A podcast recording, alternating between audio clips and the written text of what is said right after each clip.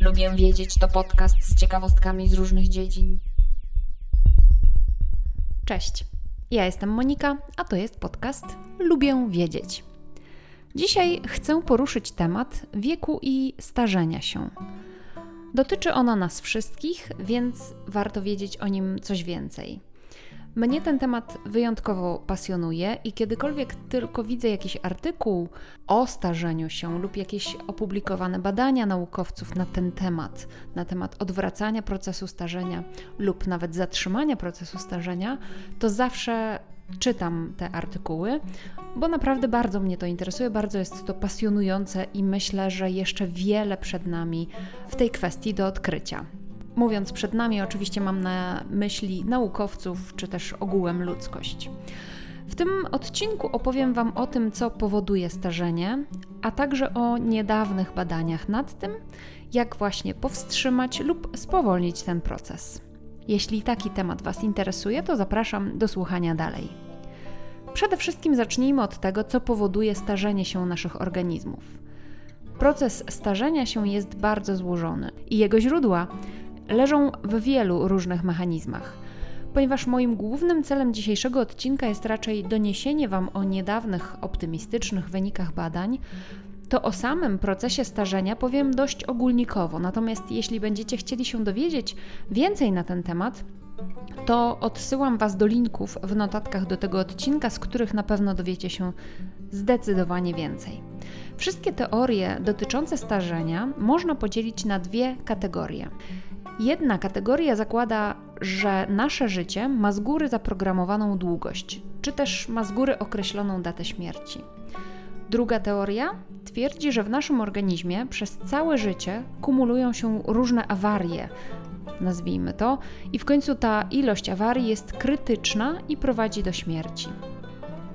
Teorie zaprogramowanej śmierci zakładają, że czas życia organizmu jest z góry ustalony i kiedy się skończy, włącza się taki proces samobójczej śmierci organizmu. Z kolei te teorie kumulacji błędów winą za proces starzenia obarczają negatywny wpływ środowiska, który polega na tym, że zewnętrzne czynniki mutagenne powodują błędy w kopiowaniu genów, a te błędy kumulują się dzięki przenoszeniu do kolejnych pokoleń komórek. W pewnym momencie ten procent błędów przekracza pewien poziom krytyczny i organizm nie potrafi już tych błędów naprawić, a to doprowadza do śmierci.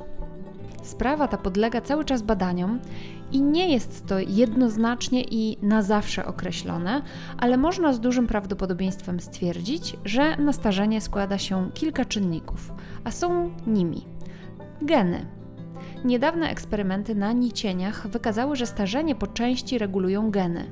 Dzięki inżynierii genetycznej udało się dwukrotnie wydłużyć średni czas życia właśnie nicieni.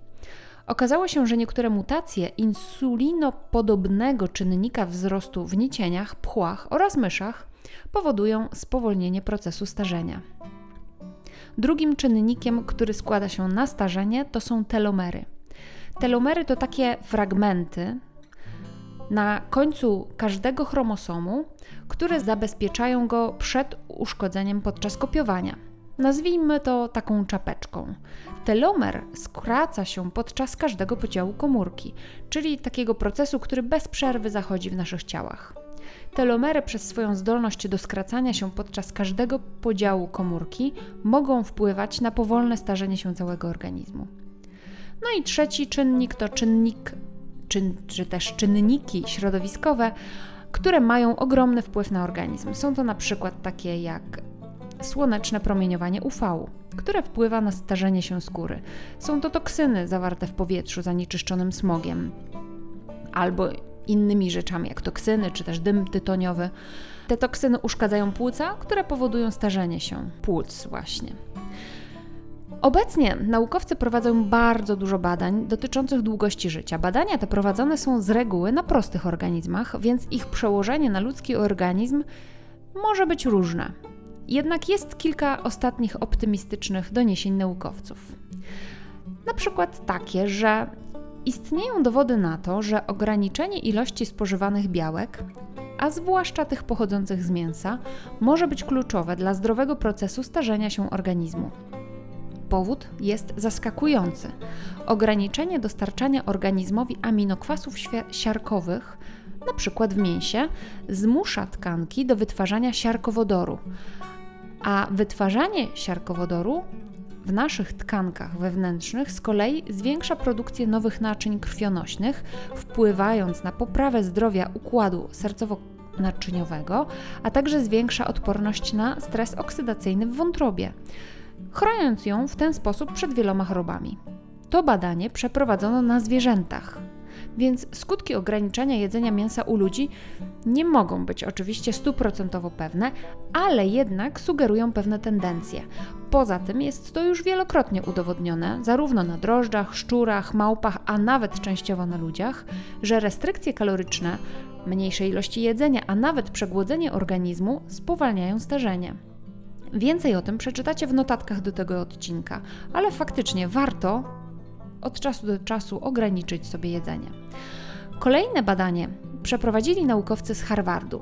Przywrócili oni wzrok u starych myszy i myszy z uszkodzonymi nerwami siatkówkowymi, resetując niektóre z błędów, które gromadzą się w DNA w miarę starzenia się komórek. Artykuł opublikowany 2 grudnia 2020 roku w Nature opisał badania naukowców z laboratorium Davida Sinclaira. Badanie polegało na upchnięciu w wirusie trzech genów. Wirus miał je przenieść do komórek. Naukowcy wstrzyknęli tego wirusa do oka z zerwanymi nerwami siatkówki, aby sprawdzić, czy te trzy geny pozwolą myszom zregenerować uszkodzone nerwy, czyli coś, czego dotychczas nie udało się osiągnąć.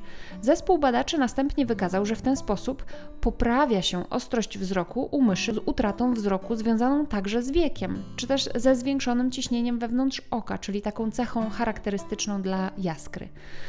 I wstrzykując ten wirus z trzema genami, udało się odzyskać wzrok u myszy, które miały zerwane nerwy siatkówkowe, ale także u myszy starych, które po prostu ze względu na starość miały jaskrę, miały zdegenerowany wzrok. Więc to pokazuje, że takie geny, taka terapia genowa, że tak powiem, jest w stanie odwrócić procesy starzenia, przynajmniej w oku. Ale prawdopodobnie naukowcy są w stanie przeprowadzić podobne badania również na innych nerwach albo na innych komórkach. Podejście to zmieniło wzorce epigenetyczne do bardziej młodzieńczego stanu, że tak powiem, u myszy i u ludzkich komórek hodowanych w laboratorium. Firma Life Biosciences Firma Life Biosciences, czyli właśnie ta firma Davida Sinclaira, otrzymała licencję na dalsze badania, aby opracować metodę skuteczną również dla ludzi. To innowacyjne podejście do leczenia utraty wzroku może polepszyć w przyszłości życie wielu osób. Okazuje się także, że badania nie tylko są prowadzone na prostych organizmach. W Tel Awiwie przeprowadzono badanie na grupie dorosłych, a nawet starszych osób. Badanie kliniczne z udziałem 35 osób dorosłych w wieku powyżej 64 lat miało na celu wyjaśnienie, czy metoda zwana hiperbaryczną terapią tlenową może odwrócić dwa procesy starzenia, to znaczy skracanie telomerów oraz kumulację starzejących się komórek. Badanych umieszczono w komorze ciśnieniowej i podawano im czysty tlen przez 90 minut dziennie przez 5 dni w tygodniu przez 3 miesiące. Pod koniec próby naukowcy poinformowali, że telomery uczestników wydłużyły się średnio o 20%. Nie tylko zatrzymały skracanie, ale wydłużyły się średnio o 20%, podczas gdy starzejące się komórki zostały zredukowane nawet o 37%. Badanych cofnięto do takiego stanu, w każdym razie na poziomie komórkowym, jakby ich ciała cofnęły się o 25 lat. Skutki eksperymentu były wynikiem wywoływania przez komorę ciśnieniową takiego stanu hiperoksji, czyli wysokiego poziomu tlenu we krwi, co spowodowało regenerację komórek. Oczywiście nie wiemy nadal, czy ten efekt jest stały, czy tylko chwilowy. Niemniej są to bardzo obiecujące wyniki. I ostatnie badanie, o którym chciałam Wam dzisiaj opowiedzieć, to badanie kliniczne w Kalifornii, które wykazało, że jest możliwe odwrócenie zegara biologicznego człowieka. Przez rok dziewięciu zdrowych ochotników zażywało trzy popularne leki: hormon wzrostu oraz dwa leki na cukrzycę. I średnio stracili 2,5 roku swojego biologicznego wieku, mierzonego poprzez analizę śladów genomów danej osoby. Układ odpornościowy uczestników również wykazywał oznaki odmłodzenia. Dziękuję za wysłuchanie kolejnego odcinka podcastu Lubię Wiedzieć. Tak jak mówiłam w całym odcinku, zachęcam do zajrzenia do notatek do tego odcinka szczególnie, bo tam jest naprawdę cała masa ciekawych linków, ciekawych informacji i ciekawych źródeł informacji. Zapraszam także na mój profil Lubię Wiedzieć na Instagramie. Tam zamieszczam dodatkowe nowinki, o których nie mówię tutaj w podcaście. Zapraszam także na mój drugi podcast Fiszkowa Kartoteka. Tam mówię o książkach, o książkach, które aktualnie czytam, niekoniecznie naukowych. Do usłyszenia, cześć!